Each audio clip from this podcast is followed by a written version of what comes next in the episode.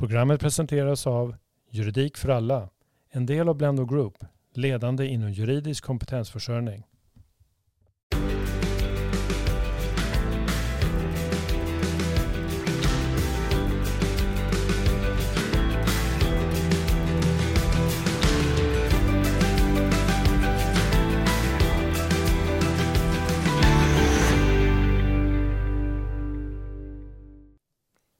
Då säger vi hjärtligt välkomna tillbaka till avsnitt två i poddserien Dina barn som vi producerar här på Juridik för alla. William Eriksson heter jag, programleder som vanligt. Med mig också som vanligt har vi eh, vår expert Kristin Håkansson. Du är varmt välkommen. Tackar, tackar. Och vi har också, som jag brukar säga, Nestorn och den juridiska konsulten Stefan Wahlberg. Du är också välkommen. Ja, tack, tack. Hörrni, i förra avsnittet så pratade vi om definitioner, juridiska definitioner av barn, vi pratade om juridiska definitioner av vårdnadshavare och vi tog upp som vanligt en hel del lyssnarfrågor som rörde just det här med barn och föräldraansvar och annat. Idag ska vi prata om tvister om vårdnad och umgänge och det är någonting som, jag jobbar ju som bekant på Dagens Juridik, när vi skriver om det här då finns det få saker som engagerar våra läsare mer än de här tvisterna och jag tror att vi alla någon gång har stött på någon människa som varit inblandad i en vårdnads tvist och kanske har uttryckt eh, antingen besvikelse eller bestörtning eller något annat kring utgången i en sån här tvist och hur jobbigt det kan vara och så. Då tänkte jag bara börja fråga dig Kristin, eh, vilka rättigheter och skyldigheter har man i praktiken som förälder när man ska exempelvis separera och eh, har barn? Jag skulle nog vilja vända på, på hela den frågan lite grann och säga att det handlar inte så mycket om föräldrars rättigheter framförallt överhuvudtaget utan i de här frågorna så är det barnens rättigheter som är absolut avgörande och som ska vara i fokus. Jaha, sa jag lite förvånat.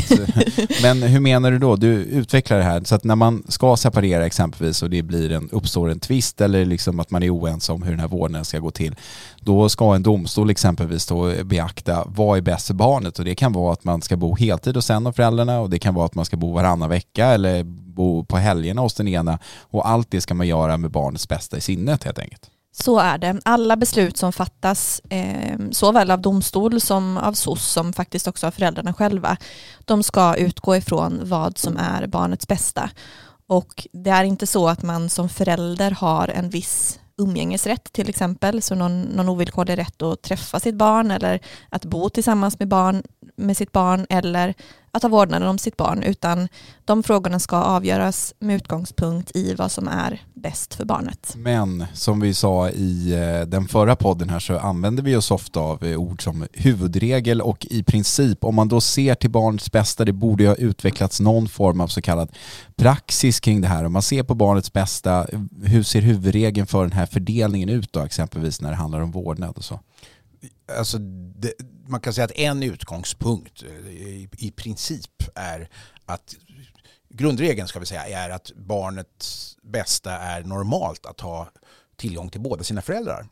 Det är en sån här praxis som har utvecklats i de här sammanhangen. Det, finns det är en av delarna i barnets bästa kan vi säga. Just det, det finns massor av undantag från det men det är liksom utgångspunkten och sen prövar det här vidare och säger nej men den här föräldern X eller Y är direkt olämplig eller barnet mår dåligt tillsammans med hen. Då inträder en annan situation.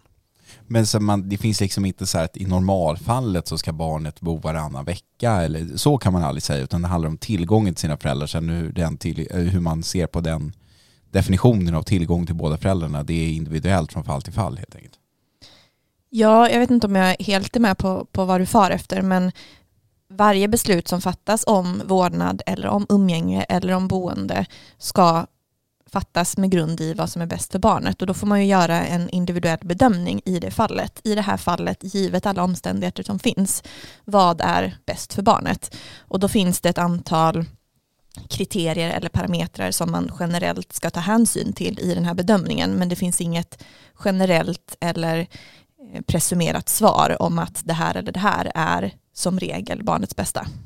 Men i praktiken är det ju så att de allra flesta fallen klarar man ju av utan att behöva gå till domstol naturligtvis. Och där faller det sig ofta naturligt att föräldrarna gör upp då sinsemellan om att om det funkar så kanske man har varannan vecka eller vad det nu må vara. Men eh, om det hamnar i domstol så, så har vi numera sen säga, helt nyligen, det är det inte utan det är väl i varje fall tio år tillbaka i tiden som domstol faktiskt kan utdöma gemensam vårdnad även om föräldrarna egentligen inte vill det. Om man anser att det är det bästa för barnet. Och det här har ju varit lite små omdiskuterat och kanske till och med lite eh, små kontroversiellt i svensk rätt. Att man faktiskt frångick den här gamla huvudregeln om att om en förälder krävde enskild vårdnad så var man så att säga, tvungen att ta ställning till det och säga antingen får den föräldern det eller också ska den andra få det. I, i, så är det inte längre. Det finns ju också en, eller i vart fall har funnits en presumtion om att gemensam vårdnad oftast är förenligt med barnets bästa. Så att om det inte finns några utmärkande omständigheter som, som talar för något annat så ligger det ganska nära till hands för domstolarna, eller har i vart fall gjort, att döma till gemensam vårdnad. Annorlunda uttryckt så ska det ganska mycket till för att en ensam vårdnad ska komma på tal. Men får jag bara, man försöker ju, eller vi, vårt syfte med att ha den här podden är att göra saker och ting så enkelt som möjligt. Om jag ställer frågan så här då. Två föräldrar tvistar om vem som ska ha vårdnaden eller liksom hur man ska dela upp den här vårdnaden eller så. Hur mycket lyssnar man på barnet i en, i en sån situation? Hur mycket har barnet att säga till om här? Om barnet säger nej men jag vill bara bo med min mamma eller jag vill bara bo med min pappa. Hur mycket ska en domstol exempelvis ta barnets vilja här i beaktande? Barnets vilja är också en del i den här principen om barnets bästa. Ehm, och barnets åsikter ska tillmätas betydelse, dock i förhållande till barnets ålder och mognad. Det innebär att det går inte att säga en viss ålder när, när barnen själva får bestämma eller när de inte får bestämma utan även där får en bedömning från fall till fall göras. eh, hur moget barnet är och vilken förmåga det har att ta till sig information och framföra sina, sina åsikter.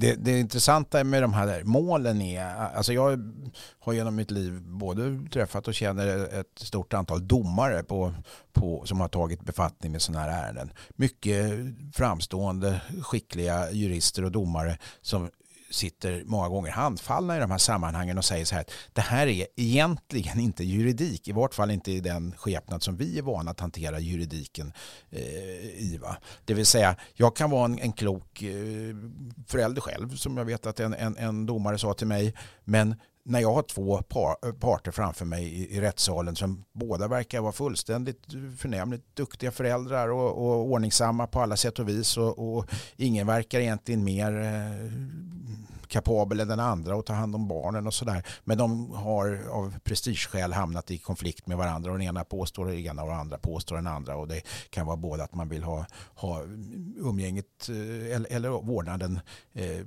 till sig. Vem är jag att sitta och bedöma det eh, utifrån ett närmast eh, juridiskt perspektiv när det borde bedömas mer på en social grund utifrån vad, vad som verkligen är barnets bästa. Det, det jag försöker säga här är alltså att det finns rent praktiskt processmässiga svårigheter för domstolarna till slut. En domstol är alltid tvungen att slita en tvist i någon mening när det påkallas eh, eh, utifrån en av parterna. Men det kan vara väldigt, väldigt svårt alltså som domare att göra riktig juridik av någonting som egentligen är snarast någon form av social eh, vetenskap. Alltså. Och därför kan man då fråga sig, borde vi inrätta särskilda domstolar för detta som man har i många andra länder? Eh, och, eller ska man inte tydliggöra juridiken lite bara? Alltså jag tycker ju allt ni har sagt här låter jättebra men det är ju fortfarande ganska suddigt för mig som inte är expert på den här typen av juridik. Jag menar man pratar om barnets bästa, naturligtvis kanonbra och barnkonventionen och allting sånt här. Men sen är det så många parametrar här som du lyfter in att exempelvis barnets åsikt är en parameter som man ska eh, ta hänsyn till och så vidare och så vidare. Men hela problematiken här är väl att juridiken är ett ganska dåligt styrmedel i just det här fallet. Och domstolen är en, en ganska dåligt lämpad beslutsfattare för att pratar man om barnets bästa och säger att det ska vara avgörande och sen lämnar till en utomstående person eller personer i form av en domstol då att avgöra det. Det är ganska vanskligt i sig. Ehm, I grunden så är det väl egentligen föräldrarna som faktiskt har den bästa förmågan att också bedöma vad som är barnets bästa. Så att det absolut mest eftersträvansvärda enligt min uppfattning så länge föräldrarna är lite vettiga personer även att de kommer överens och själva genuint eh, tänker till vad är barnens bästa i den här situationen och sen går på det. Och sen med risk för att försöka framstå som någon form av kunnig på området social vetenskap, vilket jag inte alls gör anspråk på mer än utifrån de här olika rättssituationerna som, som vi penetrerar här så kan man ju trots allt säga att en vårdnadstvist kan vara ohyggligt uppslitande och skadligt för barnet. Va? Eh, I sig, man försöker hålla barnen utanför och de behöver inte närvara i, i rätten om det är inte absolut nödvändigt och de har blivit lite äldre och sådär. Men själva tvisten i sig skapar ju både motsättningar och, och öppna sår inom, om vi säger, inom familjen eller inom de som tidigare var en familj och så vidare. Så, att, så långt det är möjligt så bör man försöka undvika att komma överens utanför domstolen och, och även om man behöver kanske advokater eller någon medlare med sig. Så, eh, jag menar, familjerätten vid kommunernas socialförvaltningar är ofta oerhört mycket duktigare på det här än vad många kanske tror för de vill inte gå till socialen och så. Vi kan väl som en liten um, sammanfattning om inte annat bara gå igenom här också vad som faktiskt framgår av lag vad det gäller den här principen om barnets bästa.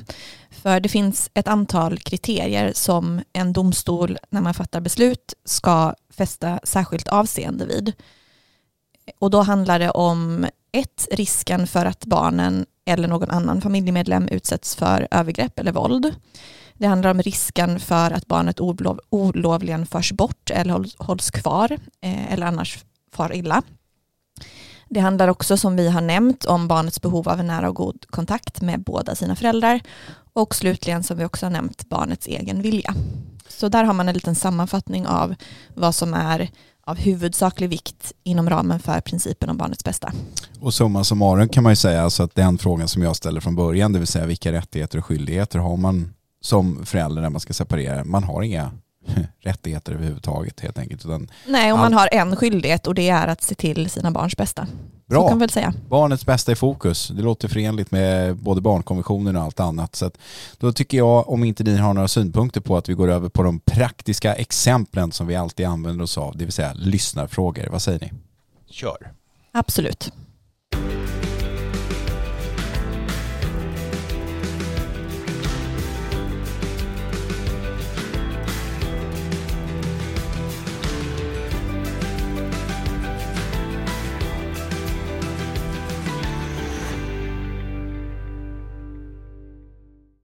Ja, då eh, har vi en kvinna här som väldigt gärna vill skilja sig men eh, hon är livrädd för att det ska bli bråk mellan henne och eh, hennes make och att den här mannen då i så fall skulle begära ensam vårdnad om deras gemensamma barn. Han är akademiker, har bra lön, hon saknar utbildning och är arbetssökande sedan över ett år tillbaka. Är det parametrar, Kristin, som kommer att vägas in undrar den här livrädda kvinnan?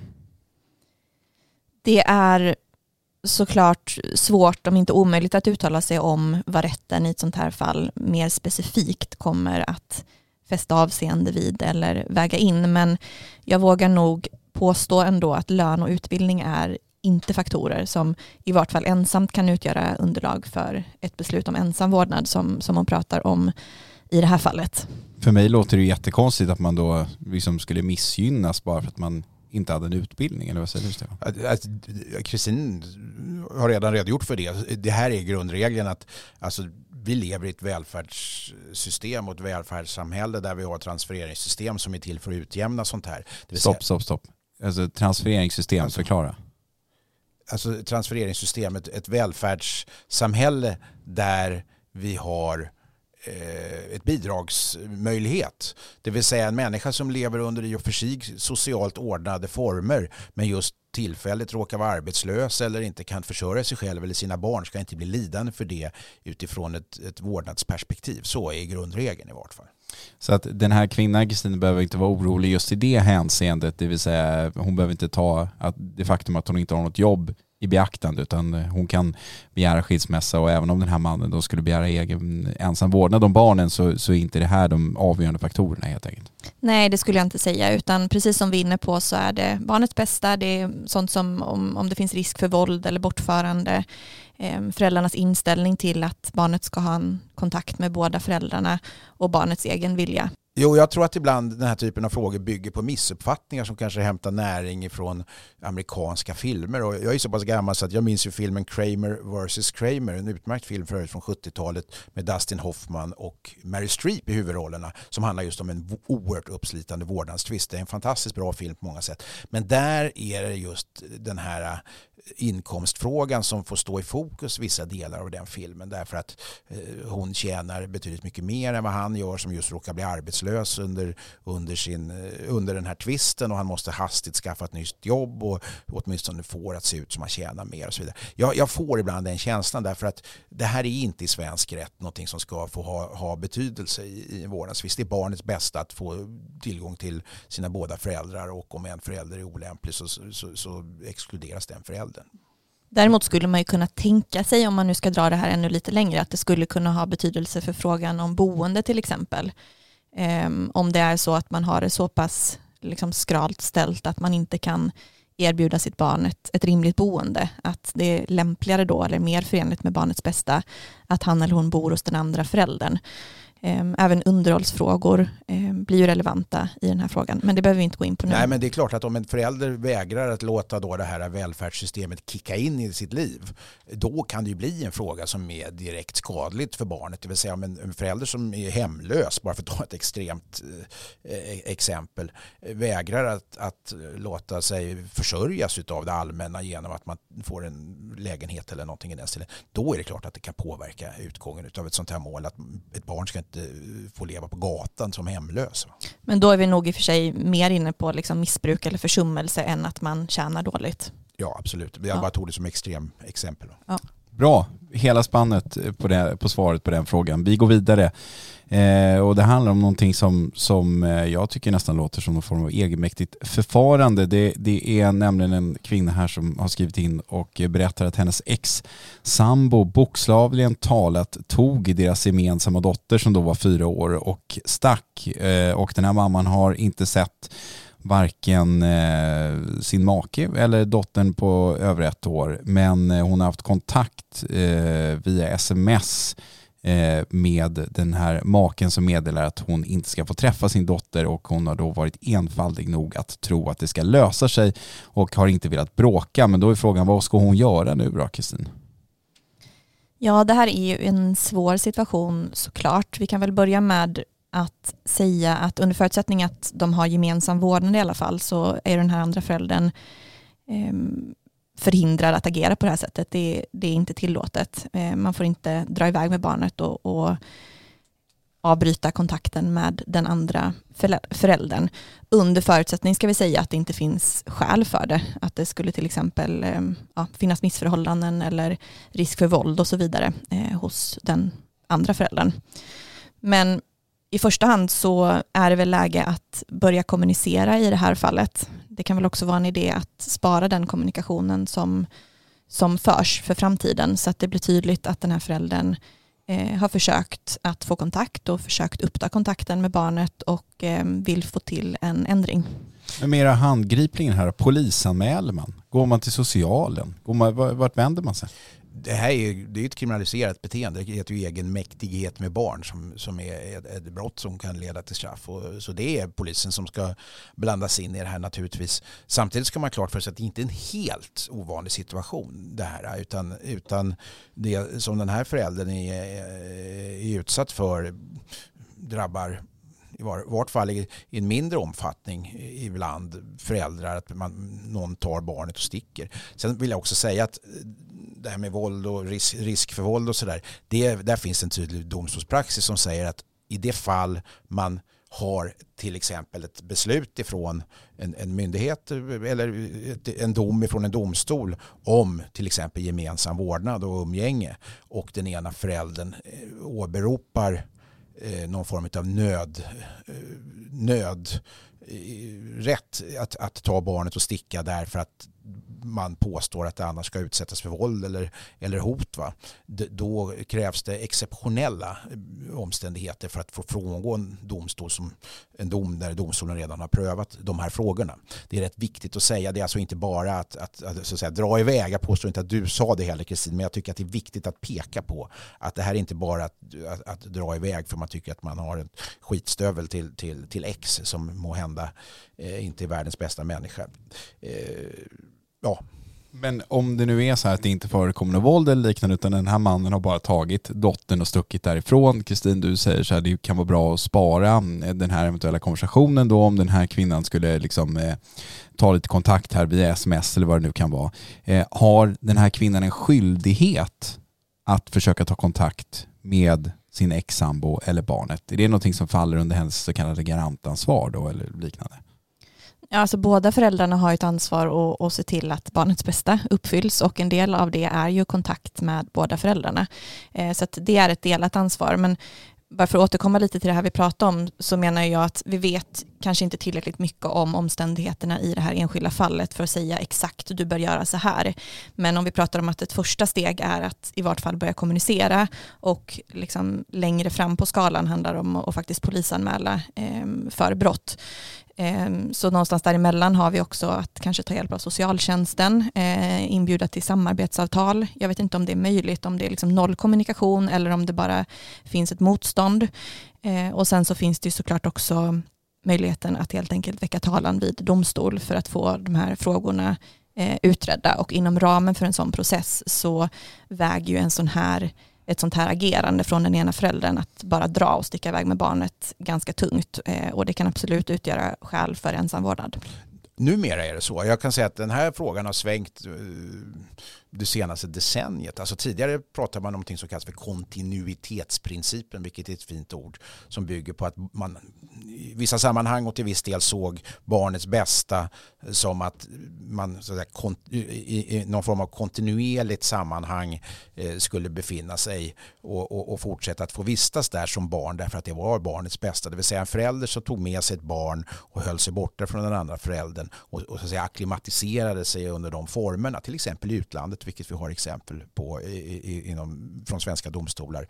Eh, där ansågs det ibland att kontinuitetsprincipen så att säga, slog igenom och att det, det, var inte bra för barnet att efter alla dessa år slitas upp och, och överföras till den andra föräldern. Det här har svängt så att numera så brukar man uttrycka det så i domskälen att, att även om det då i i det korta perspektivet möjligtvis kan uppfattas som, som, som obehagligt eller märkligt för barnet att träffa en person som i och för sig han eller hon inte har träffat på länge så, så, så är det i det långa loppet ändå att anse som barnets bästa att han eller hon får ha en, en kontakt med båda sina föräldrar.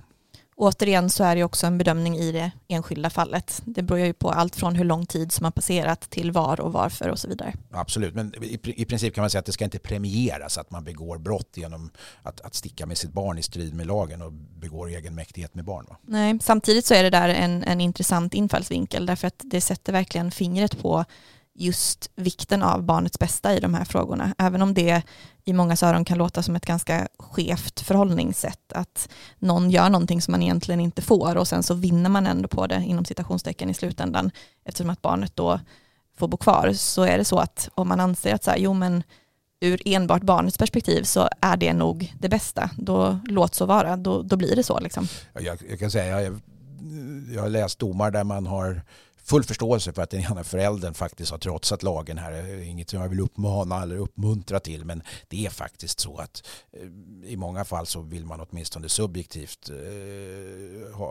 skydda sina barn även om det då inte är till barnets bästa om man tittar på det ur ett helikopter, objektivt helikopterperspektiv. Men jag har sett föräldrar dra med barn eh, där jag är själv övertygad om att det kanske var barnets bästa i vart fall under en övergångsperiod. Med det sagt kan vi väl också betona det här vikten av att den här föräldern försöker få kontakt med sitt barn och eh, den andra föräldern. Om, om inte det är möjligt att träffas så kanske man kan prata i telefon eller eh, köra någon typ av Facetime eller så vidare så att man ändå upprätthåller någon typ av kontakt under den här tiden som det här problemet kvarstår. Ja, eh, upprätthåll kontakten. Det är det vi kan uppmana till i det här läget och eh, fortsätter det sådär så kan det vara bra med polisanmälan. Då eh, går vi vidare till nästa fråga här och eh, det handlar om en man som har varit skild med sin fru i två år. De har gemensam vårdnad om sina två barn som är ganska unga. De går i, ska vi se, mellanstadiet där någonstans.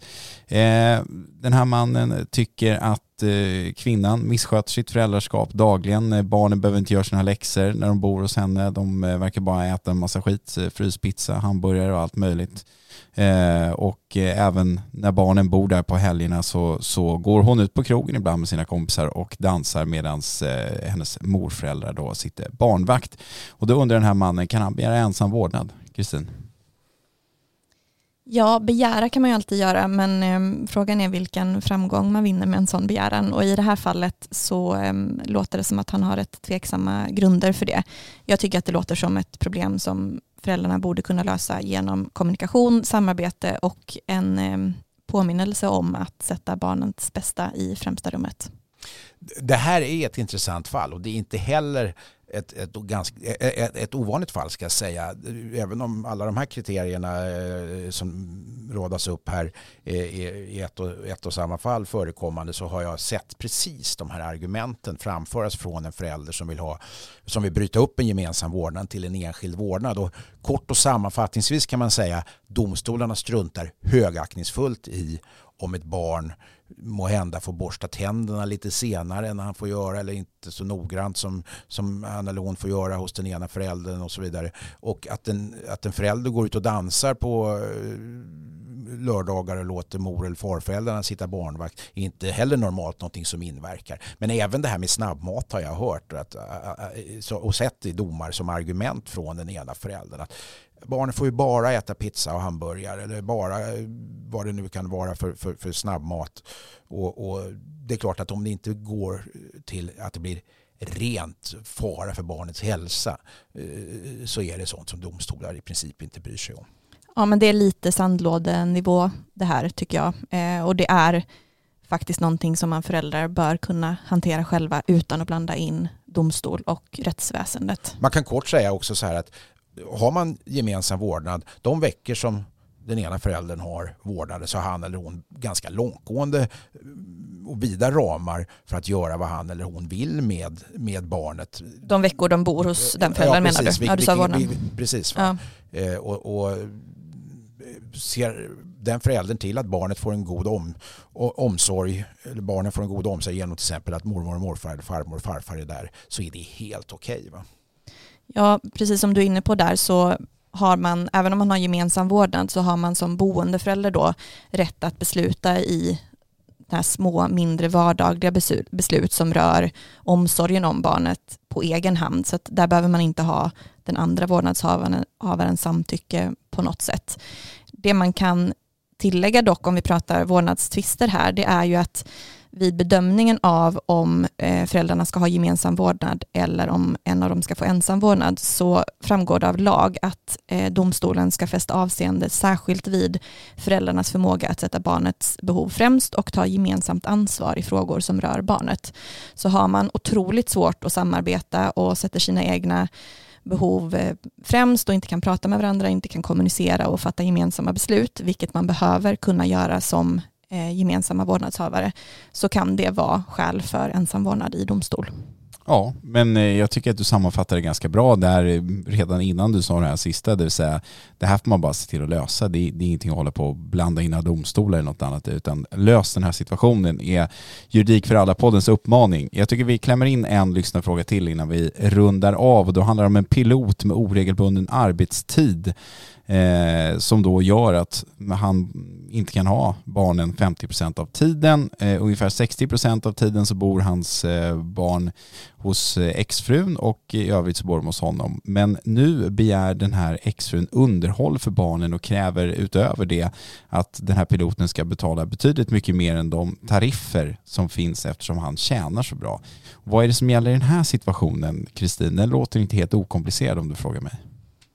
Jag tror inte att det är så himla komplicerat faktiskt. Det vi kan säga är att föräldrar och vårdnadshavare är skyldiga att svara för sina barns underhåll. Eh, de har båda en underhållsskyldighet och de ska båda bidra utifrån sin förmåga och med grund i barnets behov. Eh, det finns schabloner att utgå från vad det gäller barnens behov men kärnan i det här är ju att barnet ska få alla sina behov tillgodosedda. Så att någonstans så handlar det om att göra en individuell bedömning för just det här barnet. Vad behöver han eller hon? Och sen se till att bidra till det utifrån sin respektive förmåga. Eh, man kan säga att det är eftersträvansvärt att se till att barnet har ungefär samma standard som sina föräldrar så att inte en förälder lever lyxliv och barnet liksom lever på existensminimum. Ehm, och också att barnet har en någorlunda jämn levnadsstandard hos sina båda föräldrar så att det inte blir otroliga skillnader däremellan. Är det en viktig sak att ta hänsyn till? Det vill säga om den ena är, är mångmiljonär och, och kan leva ett helt annat liv och eh, den andra kanske är ja, i en helt annan ekonomisk situation. Är det, någonting, är, det, är det någonting man ska fästa vikt vid så att säga? Ja, det är uttalat att det ska ske så. Alltså det är den här standardprincipen som Kristin pratar om. Att, att barnet har, har i princip rätt att leva på samma standard som den förälder som har det bäst ställt. Och det innebär att barnet skulle då kunna eh, få ett, ett, underhåll, även om det kanaliseras genom den andra föräldern så är det inte den föräldern som får det underhållet som man många gånger kanske kan, kan, eh, skulle kunna tro, även om det sätts in på den andra förälderns konto. Va? Men standardprincipen innebär det. Det är den ena frågan som den här piloten tar upp. Den andra som jag tycker nu ligger det här precis på gränsen, säger att det är 40-60 på, på, på umgänge. Och man brukar med, mellan tummen och pekfingret säga att det är just där gränsen går för att man ska få en då allmän underhållsplikt mot sina barn. Det vill säga har man 50-50, lever på samma standardnivå, då har du ju likadana kostnader för barnen. Men var går då gränsen? Ja, om det är 90-10, ja då är det uppenbart att du har en skyldighet att betala underhåll till dina barn för den kostnad som uppkommer på den andra förälderns 90-procentiga tid. Så att säga. Och någonstans, så vitt jag känner till, så brukar man säga att gränsen går 40-60. Exakt var går inte att fastställa. I det här fallet så inträdde dessutom då den här standardprincipen om, om barnets rätt att ha samma standard som den förälder som har det bäst ställt. Okej, okay. också, alltså det blir nyheter för mig här hela tiden. Jag som inte sitter och sliter den här typen av twister till vardags. Jag tycker det här är kanonbra. Ni förklarar på ett väldigt rakt och tydligt sätt. Jag vill gärna skicka med en sak till i den här frågan och Absolut. det är att just sådana här tvister kring underhåll är sällan värda att ta till domstol skulle jag säga. Så att min uppmaning är verkligen att försöka komma överens eh, i den här frågan. Jag kan också tipsa om att ta hjälp av Försäkringskassan. De har på sin hemsida både mallar för att eh, beräkna underhållsbidrag och eh, avtalsmallar. Man kan också vända sig till kommunen för samarbetsavtal. Så att det här eh, bör de kunna lösa tycker jag. Får jag bara lägga till också att man ska vara om man säger, på sin vakt eller man ska vara påläst på. Det, man ska alltid ta, ta reda på vad som gäller. Även beträffande våra då väl, gemensamma välfärdssystem i sådana här sammanhang och de lagar och bestämmelser som finns generellt i samhället. Det kan till exempel få konsekvenser hos vilken förälder barnen är mantalsskrivna. Och det här har ju diskuterats att du inte kan vara mantalsskriven, alltså folkbokförd, på mer än ett ställe. Inte ens de här barnen då som delar sitt, sin, sitt boende mellan två adresser hos två föräldrar. Och det här kan vara avgörande för vem som till exempel får eh, bostadstillägg och, och, för den delen vem som också får, får barnbidraget till, till viss del så vet jag har förstått. Va? Och eh, utifrån det här perspektivet så måste man liksom läsa på innan man, innan man jag ska inte säga gå med på, för det ska man resonera sig fram till gemensamt, men innan man sätter sig i en situation som är, är knepig. Är det någonting mer som ni vill tillägga kring det vi har pratat om i det här avsnittet eller tycker ni att eh, vi kan runda av? Vi kan väl egentligen, tycker jag, om det finns någonting mer att tillägga till det, men åtminstone återigen poängtera att det ska alltid vara barnens bästa som ska vara i fokus och det är det det handlar om. Det är, det är inga rättigheter och skyldigheter. Skyldigheter kan det vara, men det finns inte så mycket rättigheter för föräldrarna i det här avseendet utan det, allting handlar om barnen, det är de det kretsar kring och eh, det är de som ska ha det så bra som möjligt.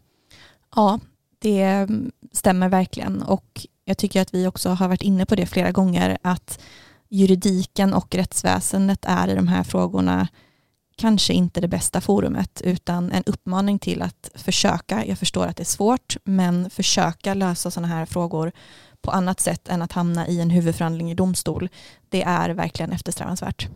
Bra, hörni, då tycker jag vi runder av det här avsnittet. Vi gör oss redo för eh, det tredje avsnittet i poddserien Dina barn. Då ska vi bland annat prata om skoljuridik och eh, en hel del spännande och eh, oväntade saker tror jag att man kan få sig till livs om man lyssnar på det avsnittet. Stort tack vår expert Kristin Håkansson. Stort tack den juridiska konsulten ska jag säga och nästorn Stefan Wahlberg och stort tack till mig själv William Eriksson, programledare. Tack, tack Ville.